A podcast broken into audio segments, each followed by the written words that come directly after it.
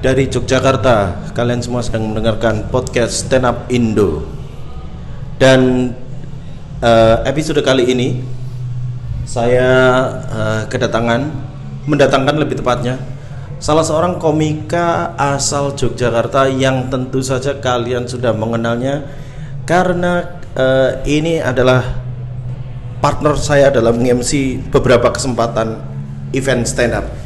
Beliau adalah salah seorang komika yang lahir pada tanggal 7 April 1991. 91 apa 92? 92 91. dua Iya, 91. Dua. 91. Satu. Ah, 92 ternyata. Di depan saya sudah ada Mukti Entut. the next Panji Pragiwaksono Jangan terlalu dekat ya. The next Panji Pragiwaksono. Oke. Gimana Mas Panji? Apa kabar nih? ya masih gini-gini aja sibuk di komika.id sibuk di HH Corp dan juga di MLI ada semua. tiga Ada- manajemen saya Oh, ada semua, ada Tiga. semua. Chandra Mukti Wicaksono. Iya. Itu nama aslinya ya? Wicaksana Wicaksana. Wicaksana Kenapa gak Wicaksono? Jamet nanti Oh, iya. Jamet dicek Tapi sama serius, Dek? orang-orang Jakarta nanti Di akte eh, tulisannya apa? Wicaksono apa Wicaksana? ada yang Wicaksono ada yang Wicaksono ada yang Wicaksana ada yang Wicaksono Tapi secara kamu pernah nanya ke eh, bapakmu, orang tuamu, ya Wicaksono karena Wicaksono. Jawa kan terus mendapatkan nama Mukti Entut itu dari mana? dari Twitter media sosial tentunya Nah, Karena dulu saya tidak bisa bermain medsos. Terus Ya. habis itu dibikinin teman saya bernama Benji Kumis. Benji Kumis yang nama aslinya adalah Son Sun Haji, Sun Haji. Sun Haji. Nama yang sangat singkat Sun Haji. Karena katanya habis lahir di cium pipinya sama Pak Haji. Ya ampun. Katanya gitu, iya. iya. Kalau dicium Baskara kan jadi Sun Eater. Sun Eater, Sun Sun Eater.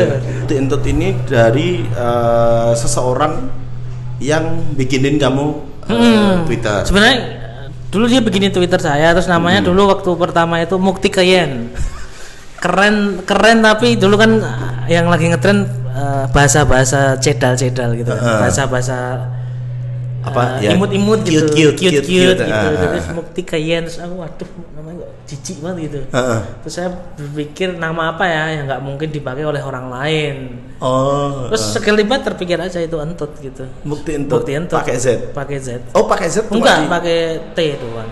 pakai Z itu cuma di Instagram. Instagram karena dulu Kenapa? saya pernah bikin belum bisa main medsos saya sok-sokan bikin Instagram namanya Mukti Entut nggak pakai Z. Heeh. Terus habis itu lupa passwordnya. Hmm. Lupa passwordnya. Berarti awal kamu bikin Twitter itu namanya Mukti Kian. Heeh, Mukti kayak Gak apa-apa. Saya juga dulu nama akun pertama saya sang komedian. komedian kan. Alay banget. Ya pernah lah. Habis itu ganti apa gitu. Fase kehidupan, Bro. Fase kehidupan. Fase kehidupan. Terus Yusir, Yusir apa dulu ya? Yusri Lies. Justru lies. Kamu kan dulu waktu pertama kali open mic tuh kayaknya udah memakai, udah kenal aku dengan nama Yusri Lies apa?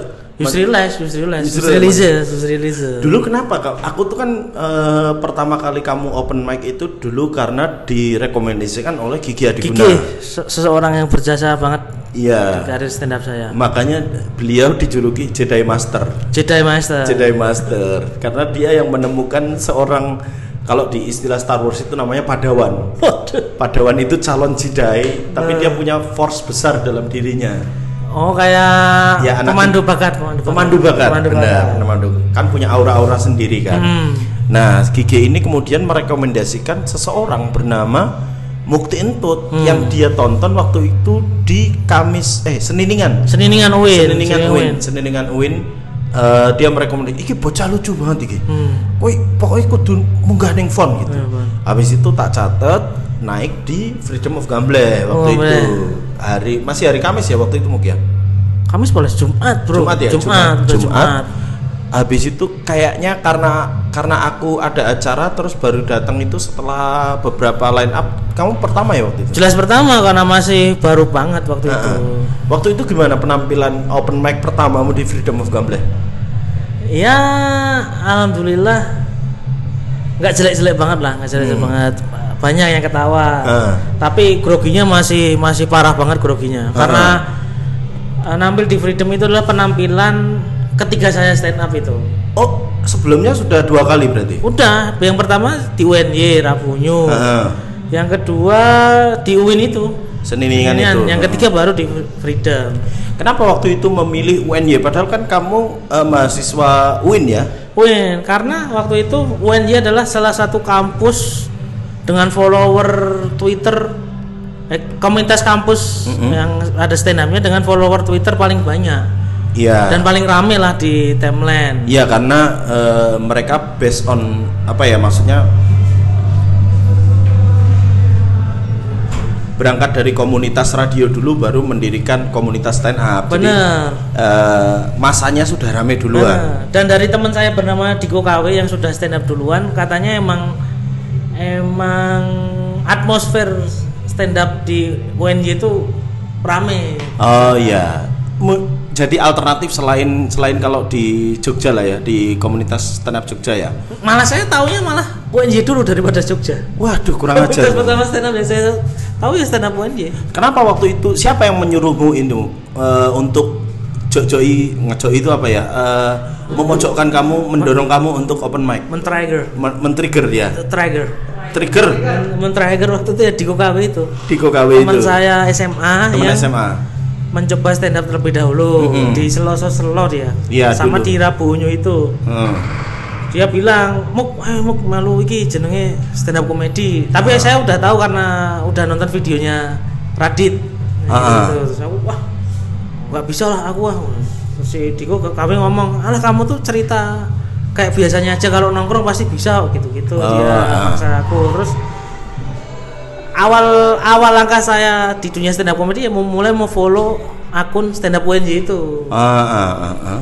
dulu kan Twitter masih ramai banget tuh tiap Iya. melempar apa Hmm. topik apa pada nyamber nyamber nah mulai dari itu sering-sering nyamber tweetnya stand up UNJ terus pada suatu masa waktu itu Ra- Rabu pun namanya nggak salah Hah? hari Rabu hari apa UNJ membuka pendaftaran open mic Ah. open mic iseng lah daftar wah saya ingat dulu tuh daftar tuh nggak sembarangan loh Harus karena banyak yang daftar disortir banget sama anak-anak stand up UNJ dan Ah. sortirnya itu saya nggak tahu caranya Hmm. gimana.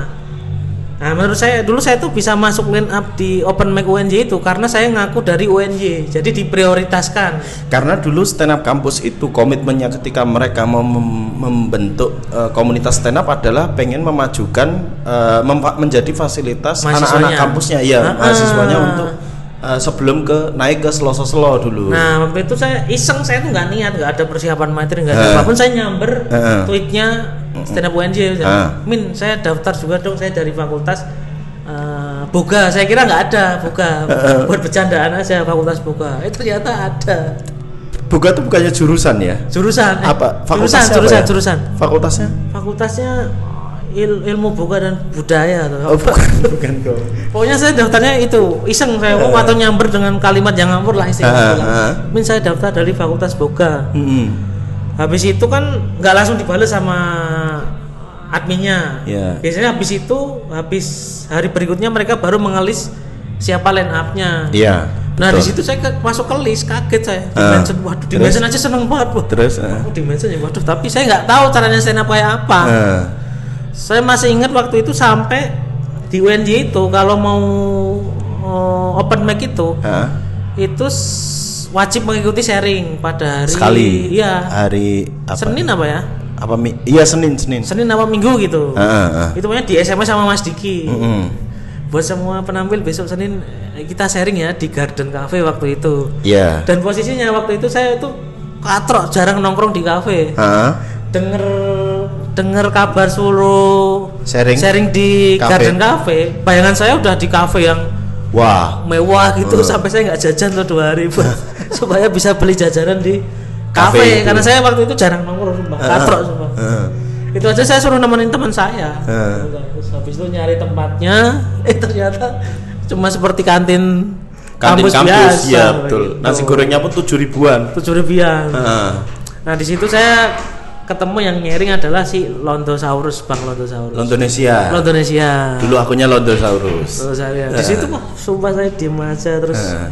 mereka komunitas yang sudah agak lama kan jadi udah lumayan lah bercanda-bercandaannya udah tentang open mic itu tentang Ah. "Oh, semalam materimu bagus loh gitu. oh iya aduh Gitu. kau minder nggak waktu itu Bu? minder lah saya seperti saya itu seperti Rashford di antara Beckham, Owen Ryan Giggs, Ryan Giggs gitu, ya. gitu. Iya iya. iya. Terus waktu pertama kali kamu open mic, apa materi yang eh, kamu sampaikan seputar apa gitu loh kan? Pasti punya. punya Apakah hanya memang benar kata di KW tadi eh, ceritamu tentang setiap nongkrong atau kamu punya keresahan yang disampaikan?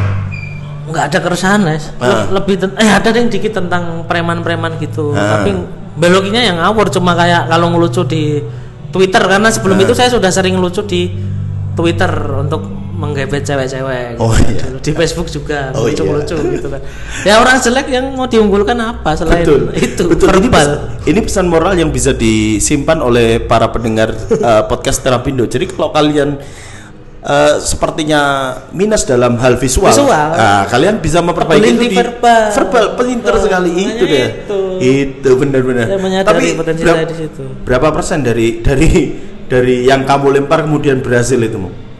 apanya materi materi lucu coy lucu Pecah, bro. pecah, di Pecah. di UNJ pertama kali udah pecah pecah Eh. alhamdulillah pecah itu aja saya udah jaga-jaga ng- ngajak teman saya sekitar 6-7 orang untuk untuk membakar mental saya Oh. dan juga seumpama pada nggak ketawa ya enam orang ini ketawa lah Tuh. Terus habis itu eh, setelah di UNY, habis itu di UIN. di UIN Di kampus UIN, sendiri. di kampus sendiri Ah. open mic awal itu Open mic pertama. bikin sendiri Iya. komunitasku yang bikin aku Ah. sama temanku Coib, Coib. sama Denis Binasrul ya? Binasrul tiga Ah. orang Sama itu siapa, aja juga masih katro Sama siapa satu lagi? Denis Denis Dennis. dulu drummer pensilaris pertama itu Oh, malah. pertama. Iya, iya, oke, oke.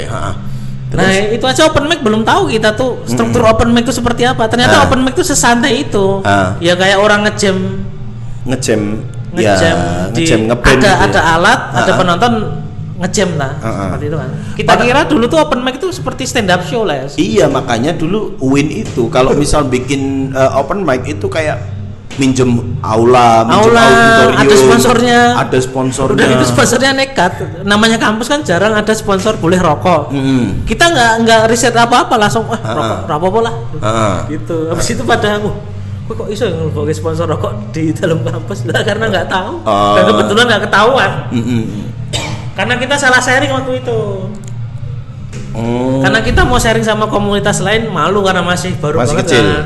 Masih- masih. kecil dan mental mental orang Jawa lah yang malu kalau mau Pakewo. Pakewo sama. Nah. Jadi kita malah sharingnya ke eh, teman kita yang biasa bikin acara metal-metal. Oh. Masih inget tuh, saya sharing sama namanya si Jum. Si Jum tuh ketua komunitas Electric Circle di Jogja. Itu band-band metalcore. Kayak Gilliam Inside gitu-gitu lah. Dulu kamu uh, adalah seorang Anak itu saya dulu. anak metal ya? Anak metalcore. Anak metalcore. Anak metalcore. Eh. yang bajunya monster. Monster gitu-gitu. Uh, fontnya font-font oyot gitu, Font- gitu font- kan. bukan Oyot. Apa? Oyot tuh kan anak-anak Dead. JCG, Jogja Corps Grinder yang Ah, lebih ah, ah. istilahnya metal ngoyot, metal, Metal yang, ngoyot ya. yang bener-bener Ya death metal lah salah satunya itu ya. Kalau saya kan yang lebih ke sk- screamo, scream emo. Ah, ah, ah. Dulu kamu sebelum eh, menjadi komika itu pernah bercita-cita menjadi apa dulu? Ya jelas pemain bola. jelas pemain bola itu. Eh. Cita-cita awal dari kecil ya pemain bola. Ah, ah. Tapi ada SSB yang kamu ikutin nggak? Ada SSB Barata namanya di Oh. kota di kota gede. Mm-mm. SSB Barata, Eh, SD itu saya ikut SD. SD, SMP SMP nggak ikut. nggak ikut. Nah, SMA itu prestasi terbaik saya di bidang sepak bola yaitu bisa masuk skuad Porseni. Apa posisimu? Back bro, Keren. back Siapa back idolamu? Jimmy Sandoval. Jimmy Sandoval. PSM Yogyakarta. PSM. Kalau luar negeri? Luar negeri nggak ada yang banget sih tapi yang Hmm. paling suka ya Cannavaro lah. Cannavaro. Cannavaro karena pendek tapi dia tuh ngotot terus dual heading juga bisa. Dueling bagus. Tacklingnya yang lawan Jerman itu juga bagus itu. Yang Bagus. Piala Dunia 2006. Bagus banget. Ah, ah. Lalu setelah dari dari sepak bola, dari mimpimu menjadi pemain bola, Hmm. kemudian eh, ikut ya kayak eh, metal-metalan komunitas Ah. metal gitu perubahannya seperti apa maksudnya eh, transformasinya tuh bagaimana kok bisa tiba-tiba dari mimpi menjadi pemain bola kemudian kamu masuk ke komunitas-komunitas metal itu loh Oh, kalau masuk-masuk komunitas metal, terus dulu pernah ikut komunitas sepeda juga karena ya satu, cari pacar, bro. Di stand up pun juga. karena buat orang seperti saya Mm-mm. terlalu liar kalau tidak menggunakan alat bantu komunitas itu. Maksudnya gimana ya? Hmm. Kalau orang ganteng mah langsung Enak. nyari di Tinder, di Iya, pasti di swipe kan? pasti. Ah. Kalau ah. saya harus pakai sarana itu. Eh, harus pakai kendaraan dulu ya. Pakai kendaraan Harus dulu. mulai- Kamu di usia berapa mau, mau mulai memutuskan untuk bahwa wah kayaknya stand up iki aku gitu. Stand up aja nih aku gitu. Ya di tahun 2014 Di samping itu ya, di samping maksudnya yang tadinya kan kamu di komunitas metal cuma nyari apa MC nggak dibayar. ikut komunitas metal cuma nyari buat menjadi kendaraan untuk cari cewek gitu. Ah, eksis lah. Nah, di stand up pun gitu, tapi nggak nemu. Nemu nggak? banyak. Makanya saya bertahan di sini. Anda telah membeli saya segalanya. Oh iya. Ya nggak segalanya tapi banyak lah. Satu hal dari stand up yang paling kamu inget eh, menjadi eh, apa ya maksudnya ternyata ada nih barang yang dulu aku impikan kemudian bisa aku beli dengan uangku sendiri dari stand up gitu. Lebih ke ada ada juga ada ya. Apa? Sepatu, Sepatu. Sepatu. Dulu kamu memimpikan apa? fans, Fans. fans. Zamanmu itu kuliah tahun berapa tuh? 2010 2010. Oh iya sih. 2010. Fans udah udah marah dulu. udah marah. Udah marah. Dan dulu saya cuma bisa beli di OP Outlet bohong tuh di Jogja. ada di Jogja kayak eh, outlet-outlet KW gitu lah ya. Heeh, dan saya dulu tuh melihat sepatu fan yang asli itu takjub yang asli itu ternyata karetnya sesolid ini gitu-gitu. Oh. Cuma bisa saya lihat ditonton eh, cuma dipakai idola-idola saya di BW Gaske, di Killing Inside gitu. Itu kalau di stand up. Tapi kalau di komunitas metal kamu ada prestasi yang bisa kamu banggakan nggak eh, selain eh, berhasil menggait cewek? MC gigsnya Nge-MC gigs. Lu kamu ya. tuh dari dulu memang sudah nge-MC, memang memang terbiasa untuk menjadi penampil. Eh, sebenarnya berawal dari di tongkrongan itu saya selalu jadi badut yang yang lucu di tongkrongan. Ah, ah, Makanya ketika tongkrongan saya bikin acara, otomatis yang diajukan pertama menjadi MC ya saya. Oh. Dari itulah. Acara apa yang yang paling besar kamu pernah nge-MC? Acaranya Electric Circle dulu namanya Valentine Attack. Wah, ngeri. Itu isinya komunitas-komunitas metalcore, ada Serigala Malam, Ngeri. ada Attack the Headline. ada ini nggak apa kuda besi? Kuda besi belum ada. Oh belum ada. Belum ada. belum ada. Oh ya ya ya. ya. Dulu eh, partner duetmu Coep. Cok Coep. Eh, Coep. Makanya waktu di UIN kamu mendirikan stand up UIN itu bareng Bareng Coep. Coep. Oh. Gitu. Berarti Coep ini adalah salah, salah satu orang yang menjadi saksi perjalanan karirmu mungkin. Wah, banget lah. Hmm. banget. Di awal-awal stand up saya ke mana-mana masih dibayar nasi bungkus, Mm-mm. masih dibayar rokok sebungkus diminta separuh. Eh, eh. Itu yang nemenin saya Coep.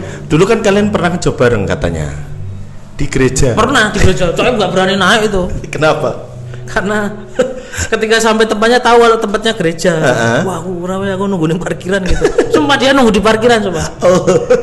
nggak berani masuk dia karena waktu itu gantiin Gige itu nah Gige. yang nyuruh kan Gige Heeh.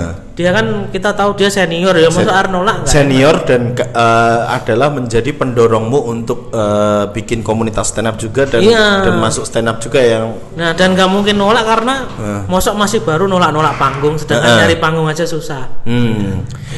panggung pertama yang kamu inget dan kamu paling bisa menikmati dari stand up ya dari stand up paling bisa menikmati yuk Rabu Nyuen gitu setiap panggung Rabu Nyuen maksudku job Hah, jawab. Heeh.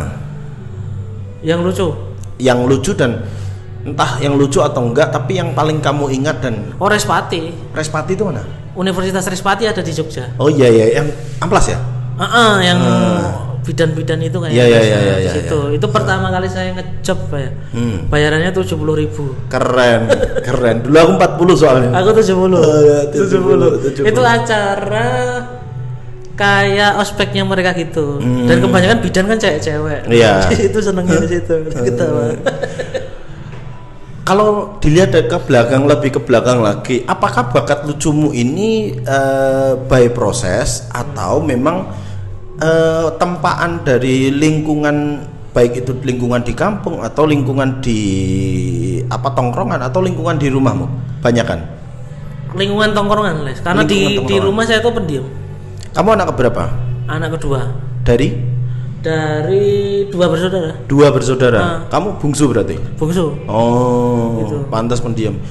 Apa yang paling bisa membedakan yang kamu sampai eh, di rumah tuh ada hal yang nggak bisa kamu lakukan, tapi di luar kamu bebas melakukan gitu loh. Hmm, Direm-rem. Misal aku kan kalau di rumah aku ya orangnya ya sholat setiap jamnya, Jamnya. gitu. Ah. Kalau di luar ya belum tentu. anu eh, apa ya ngerokok mungkin Ngerokok, Ngerokok. ngerokok tuh sampai sekarang nggak nggak berani di rumah. sekarang udah nggak ngerokok Enggak, maksudnya sebelum sebelum. Oh sekarang berani, Heeh. udah berani karena semenjak stand up ini bisa Heeh, cari cari, duit. duit. sendiri. Ah, Kalau iya. dulu nggak boleh. Hmm. Jadi mengapa dulu saya menjadi anak nongkrong banget itu karena di situ saya bisa ngerokok, Oh iya iya iya. nggak pernah di rumah. Nggak ada eh, lingkungan rumah yang membentukmu menjadi eh, ngomong yang kayak eh, nyablak gitu, maksudnya Oh. eh, gitu loh. Ya bapak saya, Bapakmu bapak saya tuh orang yang suka ngelucu di di rumah. di kampung apa di rumah? Di kampung juga dia Ah, ah. sering MC MC MC kampung tuh pasti bapak saya MC MC jalan Ah, sehat, ah, ah, ah. MC acara senam apalah acara Hmm. kampung tuh pasti bapak saya. Apakah menurutmu itu keturunan atau kamu melihat bapakmu terus kamu belajar? Yang melihat bapak saya terus belajar. Oh, eh. Mereka bapak saya belajar. Dan- Tapi sebenarnya kalau diruntut tuh ya ada keturunan dikit-dikit sih. ya percaya bahwa itu keturunan, ya. Keturunan, ya, Eh, eh. Pertama kali kamu tampil di panggung masih ingetmu? Nggak nggak harus stand up ya, maksudnya MC atau apa? gitu? Oh, Selama hidup Iya, sep- se- sepanjang hidupmu. SMA SMA ngapain? dulu punya band humor sama Coib itu juga. Namanya Peterese. Apa itu? Itu kan pasti bahasa bahasa walian ya. Enggak Coib pokoknya enggak tahu. PTRC itu apa? Oh, oh, oh, itu dulu singkatan dari PT Rese. PT PT PT kayak apa? Perusahaan. Heeh. PT Rese soalnya orangnya Rese Rese. Oh, PTRC dulu PTRC. memang alirannya band parodi atau band parodi tapi itu stikernya nggak nyambung banget namanya Peterese Heeh. band parodi Heeh. tapi stikernya tuh gambar eh, ganja terus bendera reggae itu loh yang merah kuning hijau Tapi kan buat anak anak-anak SMA itu keren. nggak tahu itu coib karena waktu itu coib suka reggae kayaknya terus terus ter terinfluence banget dengan reggae itu kan terus B-nya nggak nyambung terus dia bikin stikernya gitu Eh, gitu. PTRC. Terus setelah setelah dari situ baru kamu memulai eh, tampil menjadi penampil, lebih pede untuk menjadi penampil. ya? benar karena habis SMA lulus terus kuliah ikut komunitas metal itu jadi MC Ah, oh, lebih banyak menjadi MC. MC kalau waktu SMA jadi vokalis band PTRS itu yang bandnya Try to Be Funny yang dandannya di aneh-aneh Eh, ada fotonya enggak? ada Di ada Facebook ya? ada di Facebook saya waktu Oh. manggung di Delingo itu di Wonosari sana Delingo itu daerah di Wonosari. nggak dibayar jadi kalau ada acara 17-an kampung di kampungnya siapa gitu main main MC pernah dibayar nggak? zaman kapan Zaman kamu masih metal-metalan itu dulu? nggak pernah Enggak pernah. nggak pernah Karena masih komunitas ya. karena dapat pengakuan aja udah seneng Oh. bisa dikenal orang-orang ini tuh seneng Eh, dulu eh, band band band eh, screamo screamo gitu yang paling kamu banggakan dan kamu pernah nge-MC itu siapa? itu serigala malam hardcore dulu Oh, hardcore ya, YKHC. YKHC Ya. terus Attack the Headline dulu ada Jogja eh, End of Julia Oh, End of Julia. End of. End of Julia ya, ya. End of Karena Julia dulu- screamo dulu. dulu di circleku kalau kamu nggak ikut komunitas itu atau tidak berdandan seperti Emo. itu kamu tidak akan bisa mendapatkan cewek-cewek eksis ini Wow, wow. Kamu sempat memiliki punya tren ini nggak? Mau punya tren apa eh, rambut polem nggak? Enggak enggak Enggak, tapi Enggak. enggak enggak sampai polem ya. enggak enggak sampai enggak Enggak sampai. sampai- karena saya menyadari pipi saya gendut kan jadi nggak bisa Heeh. potong rambut yang ngawur nggak bisa Oh, pasti itu itu aja ya. itu itu aja Hmm, tep- nggak pernah nggak pernah yang polem berarti. nggak pernah Eh, terus habis itu kamu ke stand up. stand up Stand up, kemudian ya banyak banyak yang akhirnya mengenal kamu lewat stand up. Stand gitu. up. Yang paling banyak dan eh, mungkin orang-orang bisa eh, apa ya bisa pertama first impressionnya itu satu dari eh, Twittermu. Tweet, Twitter. tweet- Twittermu mungkin ya. Maksudnya Sama penampilan di Metro.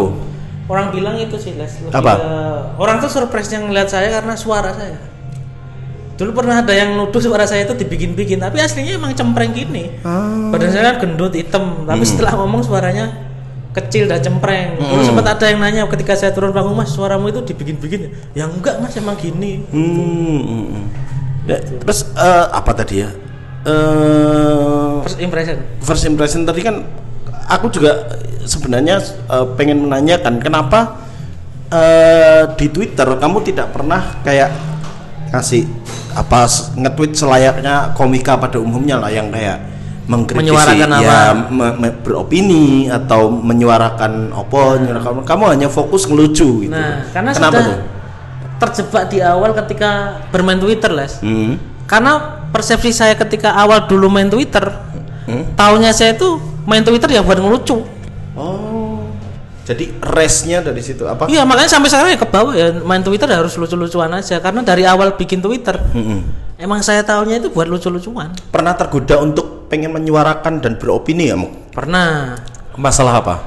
masalah bola paling sering lah PSSI. PSSI Atau timnas. atau tim rival Hmm. atau apa tuh saya sering sering sering tergoda tapi kayak saya tuh prinsipnya nggak pernah mau bikin masalah sama orang sebisa mungkin ya Nggak pernah menyenggol. nggak pernah menyenggol mending walaupun ada apa mending saya ngalah aja nggak usah saya Oh, ngomongin gitu. mending mending aku sing ketok goblok lah. nah mending tak pendam sendiri karena Heeh. saya malas ribet kalau harus bermasalah sama orang terus ngurus ngurus penyelesaiannya apalah wes lah Apalagi berdebat sama orang yang kita nggak pernah kenal satu sekalipun. itulah Eh, makanya eh. ya sampai sekarang pun kadang ada yang ngomen-ngomen aneh atau apa pengen saya balas tapi kayak kadang saya wes lah nggak usah lah Nah, ya jadi lebih memilih untuk kue ngopo sih juga terlalu keras untuk eh, berpendapat gitu. Mm, kayak jujur gini saya tuh main Twitter ngelucu loh yang ngelucu ngelucu aja gitu tapi Ah. kalau terus ada orang ngomen wah mas nggak lucu wah mas mas seakan-akan kayak orang itu bayar saya buat saya lucu di Twitter gitu loh Eh,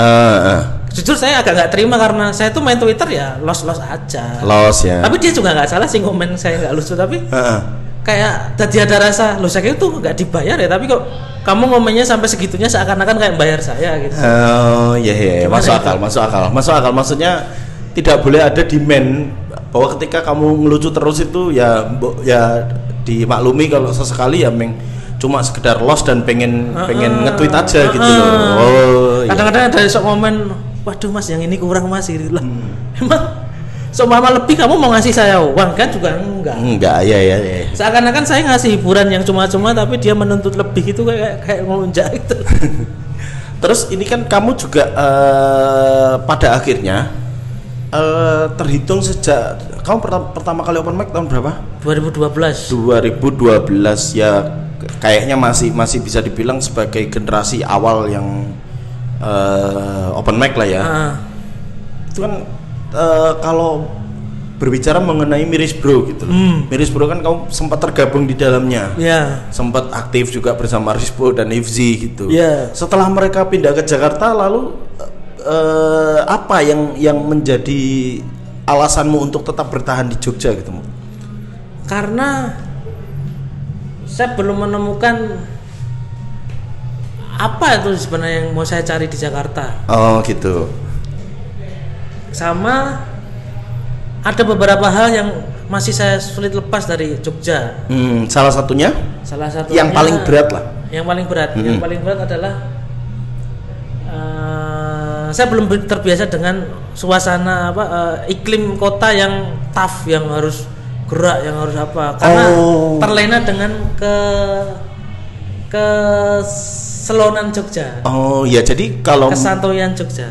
kalau misalnya teman-teman di sini yang mendengarkan ini eh, tidak mengenal Mukti pe- bahwa Mukti ini kelihatannya aja yang kayak eh, rame di mana-mana dan banyak omong di di circle-nya kemudian nongkrong.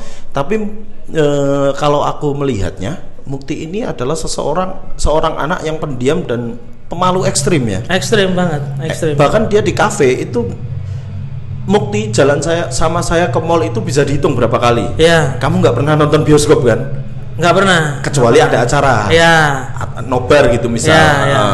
Kenapa itu kamu kamu bisa bisa se ekstrim itu Ah. malunya ke orang banyak? bukan malu sih kalau saya sekarang udah terbiasa Ah. itu lebih ke eh, kebiasaan saya tuh saya lebih suka nongkrong tuh dari dulu SMA ya SMA, Hmm. SMA itu lebih suka nongkrong main ke rumah temen terus terus rokok-rokokan kopi-kopinan di teras. Oh, saya tuh lebih suka yang gitu-gitu. Itulah sebabnya kamu sering main ke rumahku siang-siang ya. Hmm, sumpah saya tuh hobi banget nongkrong di rumah. Orang tuh sumpah ke mana aja saya mau. Keren. karena itu kebiasaan dari SMA SMA tuh hampir setiap hari saya seperti itu karena kalau di rumah orang tuh lebih bebas Ah. di kafe tuh kita harus berdandan yang Dan dan bersih dikit rapi dikit karena Iya. dilihat orang banyak terus Ah. nggak bisa agak teriak-teriak juga Mm, karena malu juga. kalau juga ya. terus nggak bisa ngomong yang terlalu intim juga Ah. kalau di kafe kalau di rumah tuh sumpah enak Dan, dan itu menjadi alasan terbesarmu yang belum kamu temukan di Jakarta. benar sekali di Ah. Jakarta saya belum menemukan Heeh. Eh, sarana itu Eh, maksudnya eh, feel untuk itu ya. Feel untuk itu, karena- Feel untuk dolan ning kose kancane. Kancane. Karena menurut saya kalau seumpama saya pindah di Jakarta harus ada keseimbangan itu antara main dan be- bekerja. Hmm. Saya nggak cuma mau bekerja terus terus balik ke rumah cuma kontrakan tidur. terus apa itu kayak belum belum bisa lah, belum Oh. bisa. Saya pengennya kalau bisa ya kayak di Jogja gini lah kerja tapi habis itu bisa nongkrong ke tempat siapa ke tempat Iya bisa. Maksudnya bisa eh, selo ngeteh. Setelah gitu. terus Eh. suasana rumah-rumah di Jogja itu mendukung untuk nongkrong-nongkrong seperti itu. Kebanyakan teras-teras rumah orang Jogja itu Heeh. depannya itu kebon. Kebon yang kalau malam ada suara jangkriknya, terus Ada suara- sawah yang ada iya. suara kodoknya. Heeh. Kayak di rumah Coib. Cok, eh, jadi kalau nongkrong di Jogja lesehan beralaskan karpet pun sumpah suasananya tuh Tidak tenang, bro. tergantikan ya. Tidak tergantikan sumpah. Dan menurutmu itu yang belum bisa kamu jadi bukan kan banyak orang yang bilang bahwa eh, segala zona nyaman segala macam Hmm, gitu loh. Menurutmu gimana itu? Zo- Jogja itu kan terkenal sebagai katanya Hmm. sebagai anak milenial zaman sekarang yang lu kalau di Jogja tuh main aman bro apa itu menurutmu? Terus ada banyak yang ngeritik loh Jogja tuh sekarang udah kayak Jakarta. Oh gitu iya, kan. eh, eh. Kalau kenapa saya nggak pernah nggak pernah ngomongin tentang itu karena Hah? saya tuh malah lebih justru pengen menjaga Jogja daripada terus-terusan mengkritik. Oh, eh. Seumpama ada apa di Jogja gitu ya. Ada emang orang yang bagiannya harus menyuarakan, ada orang yang kayak saya yang harus tetap menjaganya. Saya Hmm. mem- memilih yang tetap menjaganya. Iya iya iya. Tipikal orang Jogja sih menurutku. Itu. Heeh. Kalau Benny kan orang yang terlalu Dia kan bukan. Jogja. Tapi ya monggo-monggo aja saya nggak menyalahkan Benny. Dia bukan Jogja, bro. karena dia juga siluman bukan manusia. wajar harus tingkahnya seperti itu Terus eh, kalau misal nanti dihadapkan dengan kenyataan bahwa kamu harus pindah ke Jakarta, bagaimana kamu menyiasatinya? Misal kayak Suca kemarin lah, ya itu kan kamu harus tinggal di Jakarta, Ya. mau nggak mau gitu Ya. loh. Nah, bagaimana kamu menyiasatinya waktu itu? Kemudian tetap menyeimbangkan antara keinginanmu nongkrong dan eh, kewajibanmu untuk bekerja. ah itu mengi, apa mengianasi apa Mengini, menyiasati men- menyiasati, ya. menyiasatinya dengan cara menyisihkan beberapa dana untuk membeli tiket pulang itu harus Hmm. itu harus jadi se- semua mas biasanya sebulan gitu Hmm. paling enggak em, empat kali harus pulang ke rumah gitu. Oh, dalam satu kali. minggu, eh dalam satu bulan dalam ya. satu bulan Oh, gitu iya, iya, iya. Tak, itu kan eh, ini pertanyaan yang belum pernah aku tanyakan sih Hmm. ke kamu. Muk. Jadi misalnya ada ada pekerjaan eh, yang mengharuskan kamu ke Jakarta, Hmm. apakah kamu akan lebih mending menambahkan fee untuk mengamankan transport atau minta uang transport sendiri? menambahkan fee Menambahkan fee. Jadi amannya tuh dinaikin ya. dinaikin Oh, biar eh, seolah-olah masih udah tinggal di Jakarta gitu. ah, ah berarti di Jakarta gitu Tapi banyak masih banyak nggak yang yang kayak eh, kayak gitu, maksudnya eh, diundang di TV kemudian nggak dikasih transport gitu Ada, Ada ada, ya? ada kan beberapa stasiun TV yang masih pokoknya bayarnya tuh eh, include kan. Heeh. Bukan include lagi, bahkan mereka nggak menanyakan tahunnya segitu ya udah. mengalami kesusahan nggak dari dari situ Muk? dari jarak ini Enggak, enggak ya enggak karena kenapa karena tahu itu tanggung jawab saya sebagai stand up comedian Mm-mm. gitu. oh karena udah ini kerjaan gitu, nggak Mm-mm. nggak boleh dibikin dan ngeluh-ngeluh lah. dan ini juga keputusanmu untuk masih tetap tinggal di sini ya Makanya itu artinya ya masih kalau memang em, maunya tinggal di sini ya bagaimana caranya eh, yang Jakarta pun mengeluarkan eh, uang lebih lah ya Ya. untuk untukmu juga ya aktif di YouTube juga kamu ya aktif aktif. tidak kepikiran untuk bikin podcast Nanti kesannya terlalu kayak saya tuh terlalu apa ya? Terlalu Ikut-ikutan? Ikut-ikutan, Oh. terlalu mencari mencari dan jelas saya tuh orang yang susah fokus. Hmm, Kalau YouTube aja masih bolong-bolong terus tambah podcast ya paling paling nggak sekarang di YouTube dulu lah ya di YouTube dulu. kenapa YouTubemu eh, selalu membahas bola Itu yang saya bisa. Itu yang saya bisa dan saya tertarik dan seneng. kepikiran untuk membahas teknik stand up comedy nggak Enggak. Kenapa? Enggak mungkin itu. Orang kenapa? Saya tuh stand up nggak pakai teknik. Karena juga kalau eh, bahas bola itu, Hmm. itu tuh Sebentar Anas bikin ini ya, bikin rusuh ya. Nah, apa? Bahas bola? karena bahas bola itu ketika saya apa, nyari datanya itu saya nggak nggak nggak istilahnya Iya. Dan saya itu kalau bahas bola itu karena seneng seneng dan emang ngikutin, Ngikutin. jadi infonya tidak perlu yang sampai eh, Sampai eh, analisa analisa apa, oh, enggak. ya. Dari berbekal dari pengetahuan aja ya. pengetahuan cuma beberapa nonton langsung beberapa juga cuma lihat di live score Ada impian paling besar yang eh, pengen dicapai di stand up comedy ini, misal stand up di stadion apa apa gitu. enggak saya, saya lebih pengen saya lebih pengen mumpung saya sekarang ini udah di stand up Heeh. dan mungkin bisa menjadi batu batu loncatan ke Hmm. uh, bidang apa pun ya kan karena banyak teman-teman ya yang menjadikan stand up sebagai batu batu loncatan kan Iya. Entah menjadi artis atau apa kan Misal aku banyak. penyanyi gitu ya. penyanyi terus Ah. Benny sebagai d- sexy dancer Ya. gitu kan. striptease kan kayak saya lebih pengen tapi nggak nggak mungkin meninggalkan stand up tapi Ah. semoga lewat stand up ini saya bisa menjadi komentator sepak bola yang tidak bosenin yang Amin. bisa yang bisa ngelucu juga Betul, karena komentator bola yang lucu itu baru beberapa. Beberapa. Bukan bukan beberapa, malah baru satu doang. baru satu Yang si itu jebret. jebret jebret pun sebenarnya nggak niat ngelucu juga dia cuma niat menonjolkan ciri khas dia kan Nah, karena di luar negeri itu eh, ada pekerjaan yang namanya entertainment entertaining komentator. nah Jadi dua Nah. komentatornya yang satu lebih ke arah Eh, taktik segala macam taktis segala macam, Ya. yang satu lebih ke hiburan. hiburan nah Karena agar eh, tayangannya ini tetap bisa dinikmati dari sisi audio komentator. Nah, Heeh. tetap enak kan? Iya, Enak betul, kan? betul, betul. Semua pertandingan yang bosenin seenggaknya komentatornya enak. lucu, Lucu. ya dan tidak menyinggung. Tidak menyinggung. Nah, itu itu yang yang harusnya Malah menurut saya sekarang menyinggung pun nggak apa-apa, malah jadi bumbu di pertandingan. Iya, tapi pekerjaannya akan jadi risky. Risky, Maksudnya benar. apa? Riskan, menjadi riskan, riskan, riskan, ya. Nah, itu.